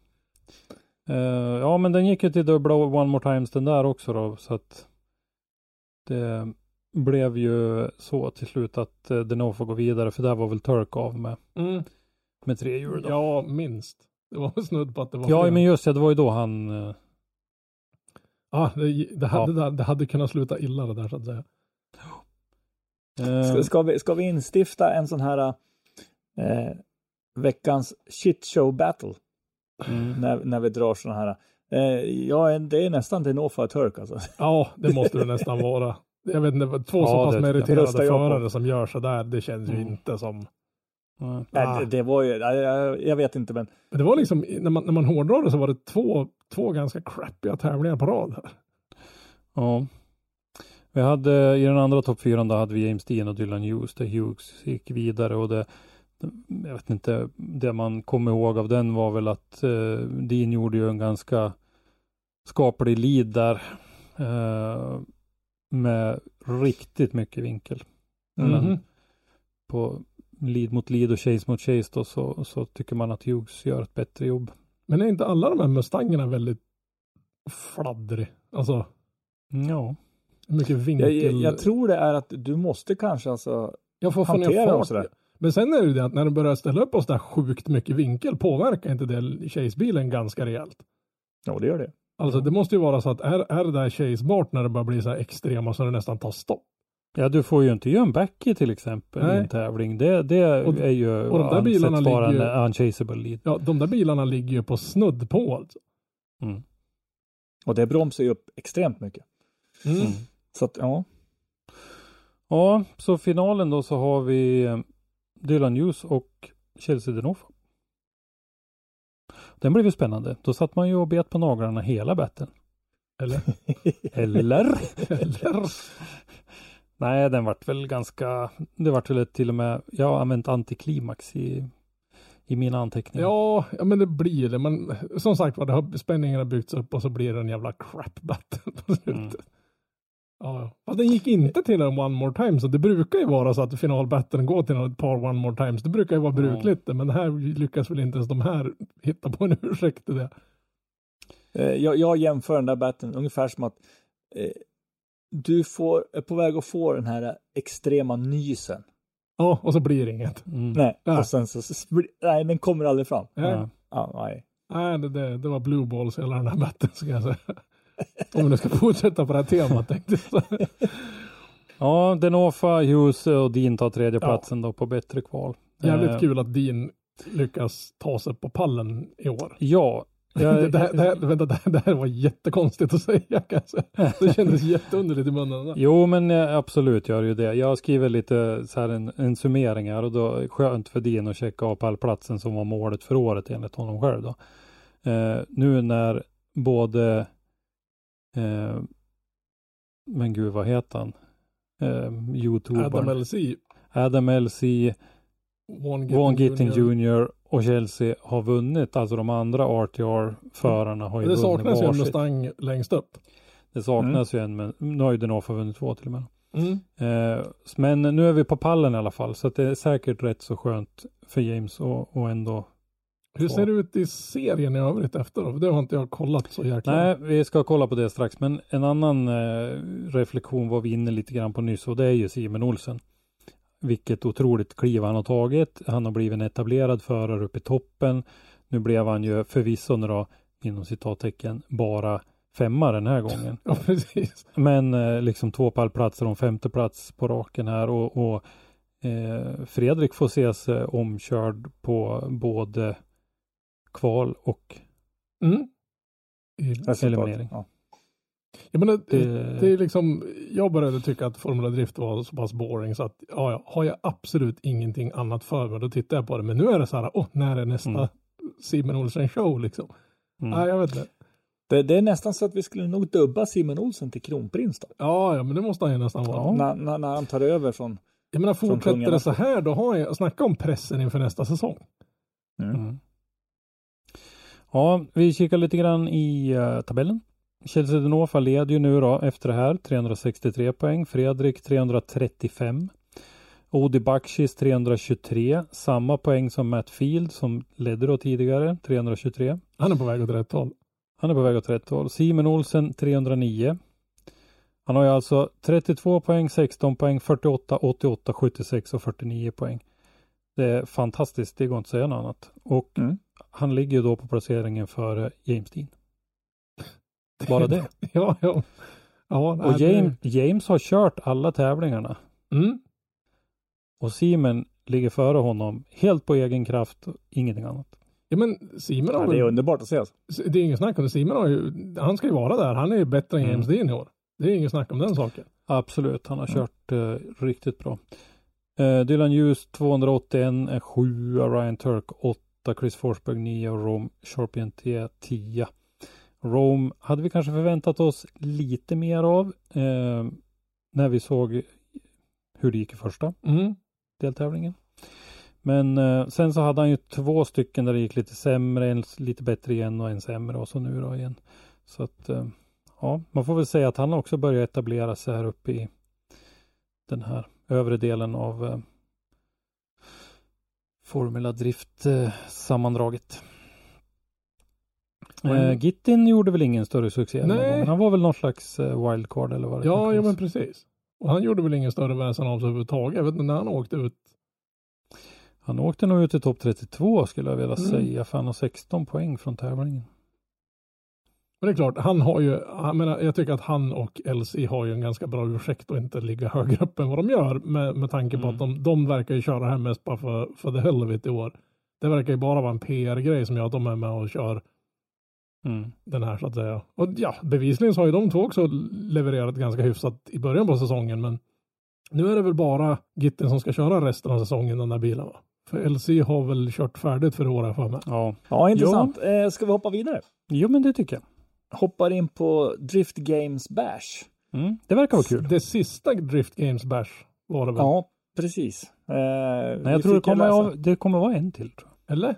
Var inte Mm. här den som var den absolut sista? Jag för mig de sa att det här var den sista Ja, gången okej. vi har en Mm. drift game. För nu kommer det vara en invitation alltså. Så nu kan inte Kreti och Pleti anmäla sig till tävlingen längre utan nu måste du ha någon form av meriter och ansöka och de kommer att bli gallrad så att säga.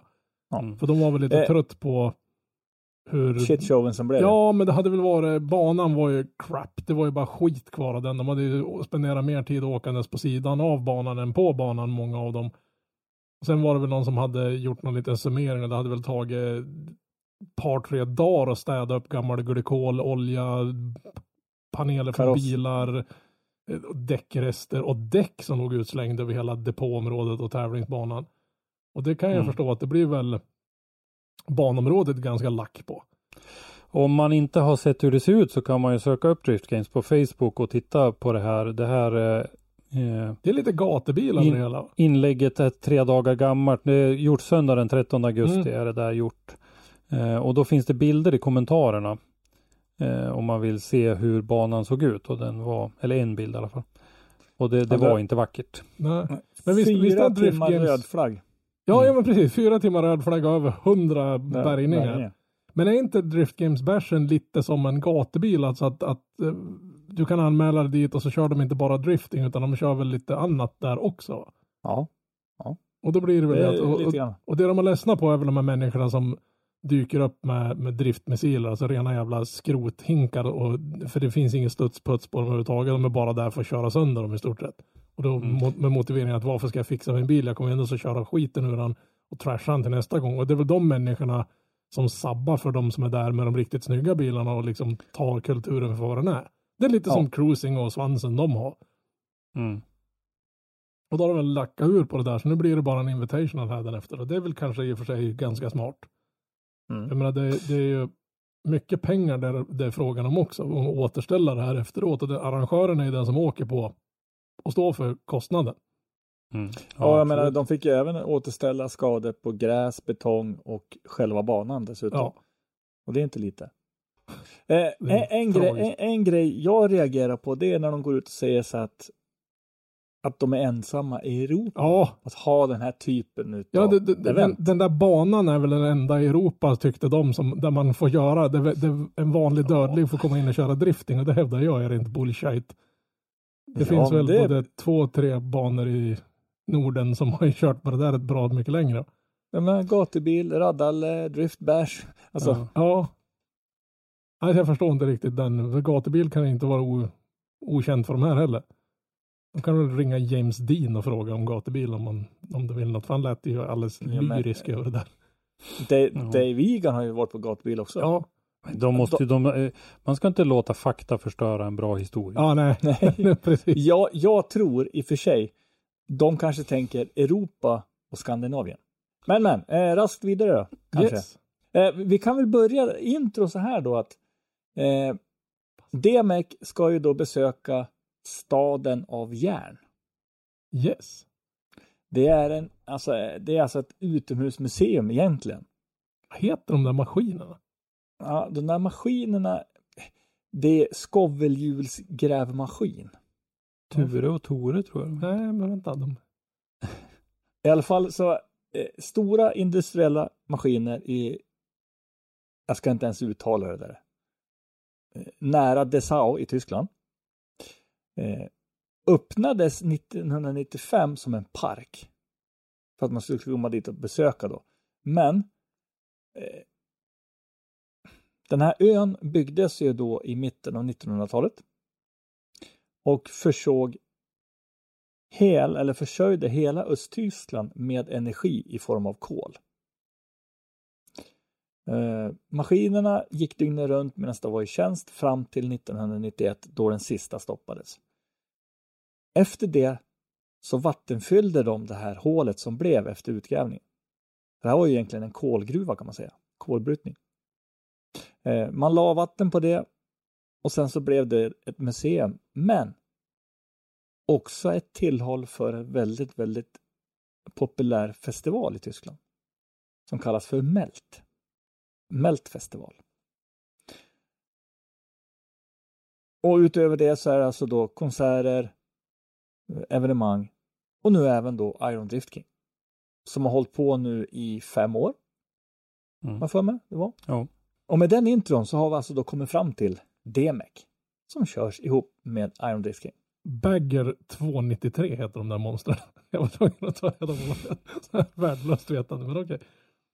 Jag kan säga det, jag som har sett dem IRL som det kallas, de var inte små. Det är lite ballt att de här är kvar där. Jag menar, det har ju spelats in en jäkla massa musikvideos. Rammstein har väl gjort en massa. Det har varit mycket konserter och grejer på det området. Och Ja, liksom backdroppen med den där industriella grejen gör att det är makalöst. Alltså. Nu ledsna Christer och gick. Det är varmt hemma hos Christer nu. Eh. Är det nu vi spelar sån här dålig porrfilmsmusik? Nej, han ska bara öppna fönstret. Det ser ut som att han får ta av sig tröjan och det tänkte jag varit lite orolig. Jag trodde han skulle, jag, jag trodde han skulle hämta, vet, hämta den här, jag pratar illa om Ja. dina chipstuttar nu Christer. ja, vad bra. jag, tror, jag trodde du skulle hämta någon sån här autograf och någon sån här eh, rolig. Nej, det är så varmt här inne, men mina, de, jag, de jag sammanbor med, de smäller ju i skåpluckor i köket och så här, så jag måste ju stänga in mig och nu är det ju, jag måste ju vara 45 grader här inne. Ja, men så här blir det. I morse när, vi, när jag åkte till jobbet var det 11 grader. Och så Mm. har man suttit inne på ett luftkonditionerat jobb och jobbat, haft det trevligt, donat på. Så kliver man ut när man ska åka hem så är det 26 grader ute. Och vi ska åka på en örfil för fan. Usch. Nuvarande tabell, DMEC. Ska vi börja där? Ja, men det kan vi väl göra och där är det ju faktiskt bröderna Shanahan då. Jack Ja. leder 296, Connor 2 265 och sen det jag tycker är roligt då. Trea Joar Rintanen 260 och fyra Laure Heinonen 251. Att två grabbar ifrån våran östra rikshalva eh, lyckas bli trea och fyra i, efter så här pass långt av säsongen. Mm. Det är ju Det är inte direkt helt omotiverat att de är där uppe för de har ju kört som gudar bägge två. faktiskt. Eh, och Heinonen, jag tycker Joar Rintanen anser jag vara en etablerad förare sedan Ja, ett antal år tillbaka. Heinonen har ju varit lite mer okänd. Han har ju varit känd på grund av ljudet ifrån bilen. Men att eh, han har ju visat nu att det var ju ingen slump att det gick bra i början där. Eh, då är Nakiver femma, 245 och Piotr Wiesek då först på sjätte plats, 188 poäng. Det är liksom förutsättningarna när vi hur mycket poäng finns det kvar i serien att slåss om? Ja, det är väl 100 poäng till vinnaren och så sen kan du ju få någon kvalbonus eh, Mm. bonus också. Mm. Så det förutsätter att, att uh, Shanahans och Rintanen åker ut i kvalet om Piotr ska ha chans att vinna i år. Typ. Ja. Eh, Connor hade 108 eh, i runda tre i Mm. Finland, så då det tror jag nog är Max ja. ja. det mesta någon har haft nu. Då. Men det det är ett bra kliv även upp till, till Dwayne. Ja, alltså det blir- 188 det till var- 245 liksom. Det är nästan som man, man skulle våga säga att han är nästan uträknad ur, ur segerstriden nästan. Ja. Mm. Däremot Rintanen är ju inte på lång väg uträknad för. Nej, nej, 36 poäng upp till första platsen. Så att, Mhm. nej, vi hoppas och håller tummarna att det fortsätter att gå bra för för uh, Joa. Eh, en sak vi inte nämnde riktigt när det gällde Riga-tävlingen, det var ju att Micke Johansson inte var där och inte var med alls. Vi, vi nämnde de andra Ja. fyra. Micke Mm. skulle ju försöka få någon ordning på den här eh, gamla handen som eh, väl var någon krigsskada från någon snowboardåkning på sportlovet för en massa år sedan som det gjordes någon halv dålig lagning på Mora lasarett som uppfattade Pelle. Mickes pappa. Ja, eh, att eh, han slog ju upp den där skadan i samband med att han körde bil. Eller på jobbet var det va? Ja, på och sen var det väl när han var upp till Fällfors så hade han ju den där skadan Ja. och det var väl snudd på att han kunde köra överhuvudtaget som det Ja verkar. men precis, men det var ju någonting på jobbet som hade gjort att Mm. eh, han hade slagit upp den. Men det var en gammal skada från början så att säga. Så att han skulle, opererade den och skulle försöka få någon ordning på det. Så att vi, vi hoppas väl att, att det, han är fit for fight nu då.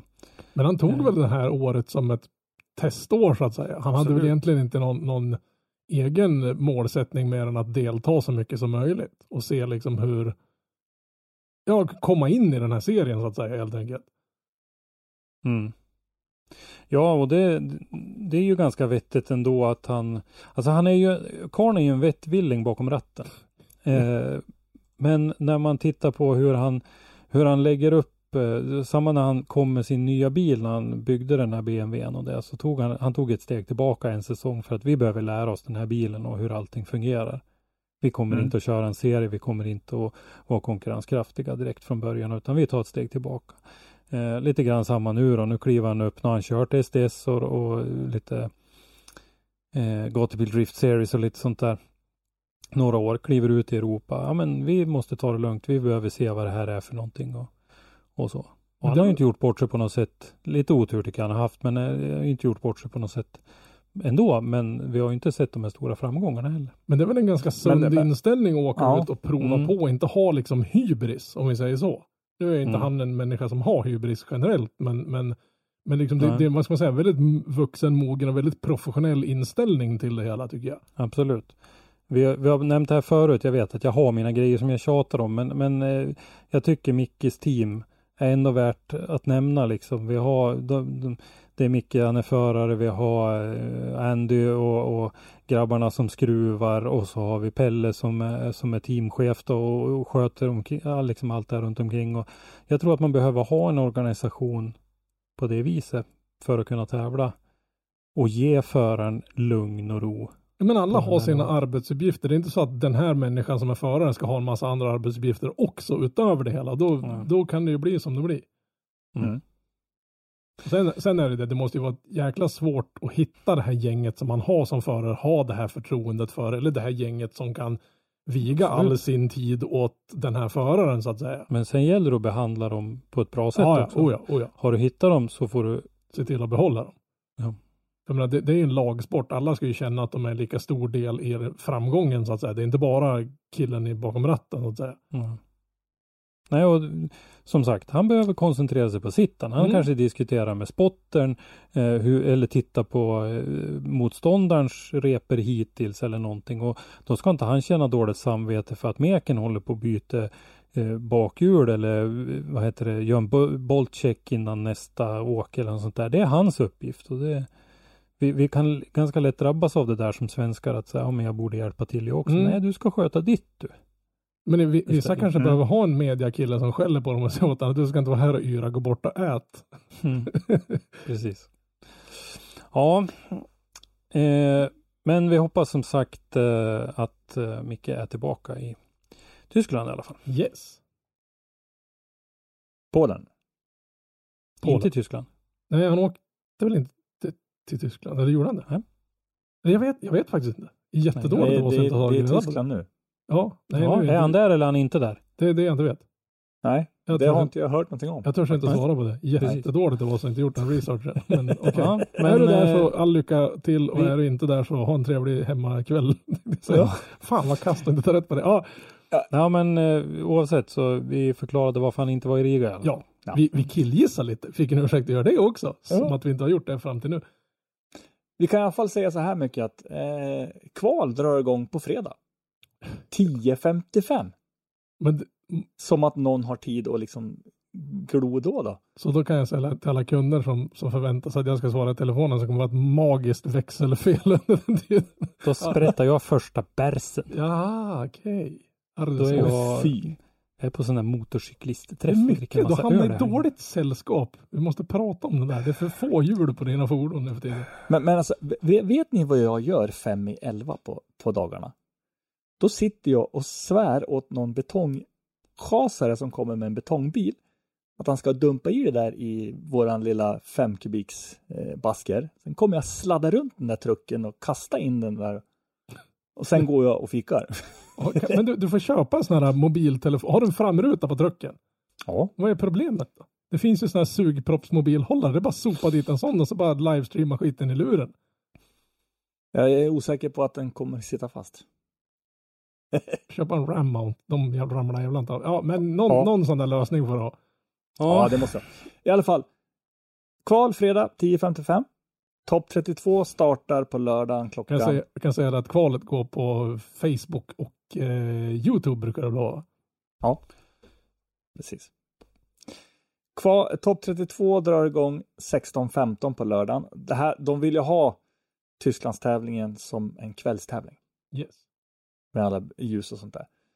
Topp 16 drar igång halv nio på lördagen. Fem i halv nio till och med. Ja, fem i halv Ja, nio. sändningen drar igång då i alla fall. Ja, precis. Ehm, Och det är på Osäker Red, Bull om- TV som vanligt. Ja, men precis. Vi är osäkra om eh, Micke är där. Eh, vi vet vissa som har åkt dit i alla fall. Men en som vi vet inte kommer nu då. Tror jag du kan berätta lite mer om Robban. Jocke Anderssons avåkning i Riga genererar oroväckande mycket. Det såg inte så våldsamt ut, men det var tydligen rätt mycket skrot av den bilen. Så han har valt att hoppa den här tävlingen då för att kunna skruva ihop bilen helt enkelt. Det var väl massa drivaxlar och diffar och, och sen skriver han att det finns ingen hel plast kvar överhuvudtaget längre på den här. Men å andra sidan, din driftbil, det ska vara lite crap, men men den där smällen tog ganska hårt. Det är ju inga billiga grejer som vi pratar om som har pajat på den här. Det är inte bara något litet wise chip som har ballat ur där. Men han, han satsar ju på, så han hoppar den här tävlingen men satsar på att vara med i Polen. Och det är väl huvudsaken, där han kommer att kliva in och bara visa alla att det här skåpet, det är blått, ni har skit i det och det ska stå där borta och så åker vi. Jag tror att den banan kommer att passa han och hans arga körstil. Och framförallt så saknar vi den där evil ass mördar Terminator blicken. det var ingen sån, han såg bara uppgiven och ledsen ut när han klev ur bilen. Det var, det var inte det vi ville se. Så är det. Och eh, sen är det väl även det att även i år så kan du köra till dig wildcard. Ja visst, är det så? Kan man, kan man, eller? Jo, men det är Aj faktiskt så att man kör ju en... eh, Det är inte så att de som vinner tävlingen eh, går in i DMEC den här gången, utan det körs ett wildcard-kval. Ah, så var det. Redan ett på torsdag. separat. Redan på torsdagen är det wildcard qualification 8 till halv 10 Coolt. för IDK. Jag frågade Mm. Jönsson lite grann, men han hade inte hunnit fått tider och sånt, så jag vet inte om det kommer att sändas live. Men Iron Drift King kommer att sändas live. Vi har inte fått några tider och jag har inte fått något svar på om kval och sånt kommer att sändas. Men det jag för mig det brukar göra, va? Eller? Jag, Ja. jag, jag ska låta vara osagt, men det hade varit jäkligt kul att se det här wildcard-kvalet om det är möjligt också, för det är en liten kul grej att se. Jag vill bara, bara slå på kamerorna på morgonen när ni kommer och stänga av den när ni åker därifrån. Fan. Rubbet vill jag säga, pauser, hela skiten. Jag kan till och med se någon som far runt med en traktor och sopa lite. Jag vill se Ja, drifting, precis. för jag, jag hade inte möjlighet att åka ner. Det var jättesurt. Vi ska se här. Jag är inne på Youtube nu och eh, där så har vi faktiskt Iron Drift King 2023 Qualification Yes. 18 augusti 10 i 3 Ja, de har lagt upp det nu. För jag kollade innan vi började spela in det här och då fanns det ingen sån. Ja, de, den ligger under live-fliken. Så kan man Ja, in där och fanns det ingenting angående 2023 överhuvudtaget för en timme sedan i alla fall. Ja, så där har de lagt upp kvalet Gött. nu då. Vad, vad var Eh, det är för bra. tid sa du? 10 i 3 Yes. den 18. Det är ju i, på torsdag. Nej. On, eh, fredag. Imorgon. fredag. Imorgon. Nej, Torsdag. det är den 16 Ja. idag. Ja, just det. 17 imorgon. Ja. Ehm, just det. Vi eh, har ju några svenskar Mm. som ska köra. Eh, den listan vi har fått säger Kevin Brunberg, Andreas Lilja, Filip Navrocki, Rickard Lord, Pontus Karlsson, Viktor Wettermark, Mikael Andersson och Martin Eriksson. Yes. Eh, där vi har haft några som har, det har varit prat om och kanske vi till och med har sett lite namn men eh, de väljer att hoppa av då. Jim Olofsson, en av dem. Mm. Eh, Alfred Grimberg är en. Han satsar väl på att köra 100 SDS, procent ja. i resten av SDS. Och det är väl i och Mm. för sig, det är också sådana här kloka, vuxna, professionella beslut man tar. Mm. Men Iron Drift King är ju, jag satt när jag, när jag gjorde ikonen till det här poddavsnittet så tänkte jag att de har den här Welcome to Drift Island-loggan som jag la upp där. Jag tänkte byta Drift till Crash, men jag gjorde aldrig det. För det här, är, det här är ju liksom inte bilen, eller det är inte banan för dig som är skiträdd om bilen. Du åker inte hit med någon sån här Stance Drift-bil och- som du ska åka hem i efteråt. Eller? Jag är glad om du får med dig bitar av din bil hem ifrån den här tävlingen. Eh, det är lite natträning eh, också torsdag. Efter det där wildcard-kvalet så kör de eh, kvällsträning då fram till halv tolv. Mm. Lite coolt. Eh, fredag så är det DMEC-kval 11 till 14.30. Det är eh, i eh, Iron Drift King-kvalet är eh, 15 till 18. Och sen så är det Iron Drift King topp 32 och topp 16 då från 7 och framåt. Mm, så de kör ju klart sitt på fredagen. De kör klart hela tävlingen på fredagen kval och eh, 32 och 16. Så kvart i elva och ja, Ja. det brukar bli runt det. Det blir långa kvällar den här veckan framöver. Och eh, på lördagen då så är det fokus på DMEC där vi har topp 32 börjar 16.30. Eh, vi har- drog ju nyss tiderna för livestreamen då så topp 16 20.30 till 22.30 ungefär. Vad var det mer? Det, det är väl inte bara svenskar? Är det några mera kända internationella? Jag får inte upp den där filen du har där i min padda för den tycker att den är för stor. Mm. Eh, nu tänkte jag göra mig rolig igen med någonting med storleken men jag Ja. avstår. Okej. Eh, vi har ju ett gäng, eh, Nicolas Bertans, eh, Nicknack igen Mm. då. Kör ju och kanske kan kvala sig in i, i DMEC-tävlingen också. Eh, Basmol är ju en eh, förare man inte har sett så mycket till på senaste åren. Vi har lite norrmän, Ole Peter Vattensten, Stian Björgängen, Kim Mathisen, eh, Sondre Erga, eh, ja, Sebastian Fontin, Sebastian Engblom, finsk förare. Eh, vi har Tor-Arne Kvia. Det ska bli jävligt roligt för han skrev väl det att han försöker dels städa Iron Drift King och sen försöker han väl kvala in till DMEC bara för det Mm. helvete. Eh, Simon Olsen. Som vi har pratat en Mm. hel del om redan i det här avsnittet. Mikkel Overgaard, dansken. Tycker jag är kul att se. Han är ju en Mm. duktig förare som tycker jag lider en hel del av att han inte har något nationellt eh, mästerskap att köra i och, och otroligt eh, tajt med träningsmöjligheter och, och så vidare. Ja, det kan inte vara lätt att liksom eh, komma framåt. Men det måste kännas sig i, i liksom- Europatoppen när man inte har någonstans att träna och tävla Ja. i hemlandet. Liksom. det måste ju vara fruktansvärt. Jag menar, man brinner för en sak och det finns inte möjligheterna utöver den. Mm. Den här killen Bass, vad hette han nu då? Bass Mål. Mm. Han gjorde ju sig känd 2019 på just Iron Drift King. När han fick ett wildcard in på Mm. Ja, jag visste vem han var sedan innan dess. Han körde ju lite eh, Drift GP och Drift Ja, och lite sånt där innan dess. Eh, men absolut. Eh, jo, eh, en, en annan kille, en halvkänd snubbe som ska bort till DMEC och, och Iron Drift King. Men han ska inte köra tyvärr då. Det är ju Odi Bakshi ska ju dit. För han, de ska väl ut på någon liten PR-turné för Field Suspension. Så han är Mm. väl på väg dit. Jag såg någon liten Insta-blipp där om att han satt på flygplanet och skulle till Europa tyckte han. Mm. Och då skulle han iväg på en liten PR-grej. Jag vet inte om det är någon som kör i Formula Drift som använder, eller i, i DMX som använder hans prylar. Än. Det, det kan ju vara att de kanske har någon som de hade, med. hade jag ett? S-chassi och höll på med drifting och har sett Simon Olsen och, och Audis utveckling den senaste säsongen, då skulle jag nog... Give me, eller take my money. Ja, men lite då. så. Jag skulle nog skruva bort det oavsett om det är de där guldklimparna som det, det är ett Mm. ö på i julhusen. Men det känns som att någon har, inget illa med Melins, men de har inte spenderat hela sin produktion på att göra driftingutrustning. Det har Field Suspension gjort. Känns som en ganska bra grej att göra. Bevisligen funkar det ju rätt bra. Nu ska vi inte säga Ja, att all deras framgång beror på deras dämpare, men det har nog en stor del i det hela att göra. Ja, så är det. Eh, med den bomben grabbar. Vad tror Mm. ni? Ja, jag tycker vi ger oss och så ser vi fram emot en helg med mycket drifting och Oh ja. eh, mycket öl i goda vänners lag för min del. Jag är ganska glad att det inte är en Indycar-tävling den här helgen. Så man kan fokusera på driftingen. Ja. Och bara en liten sån här sidonot. Så till nästa säsong, jag gjorde en liten gissning.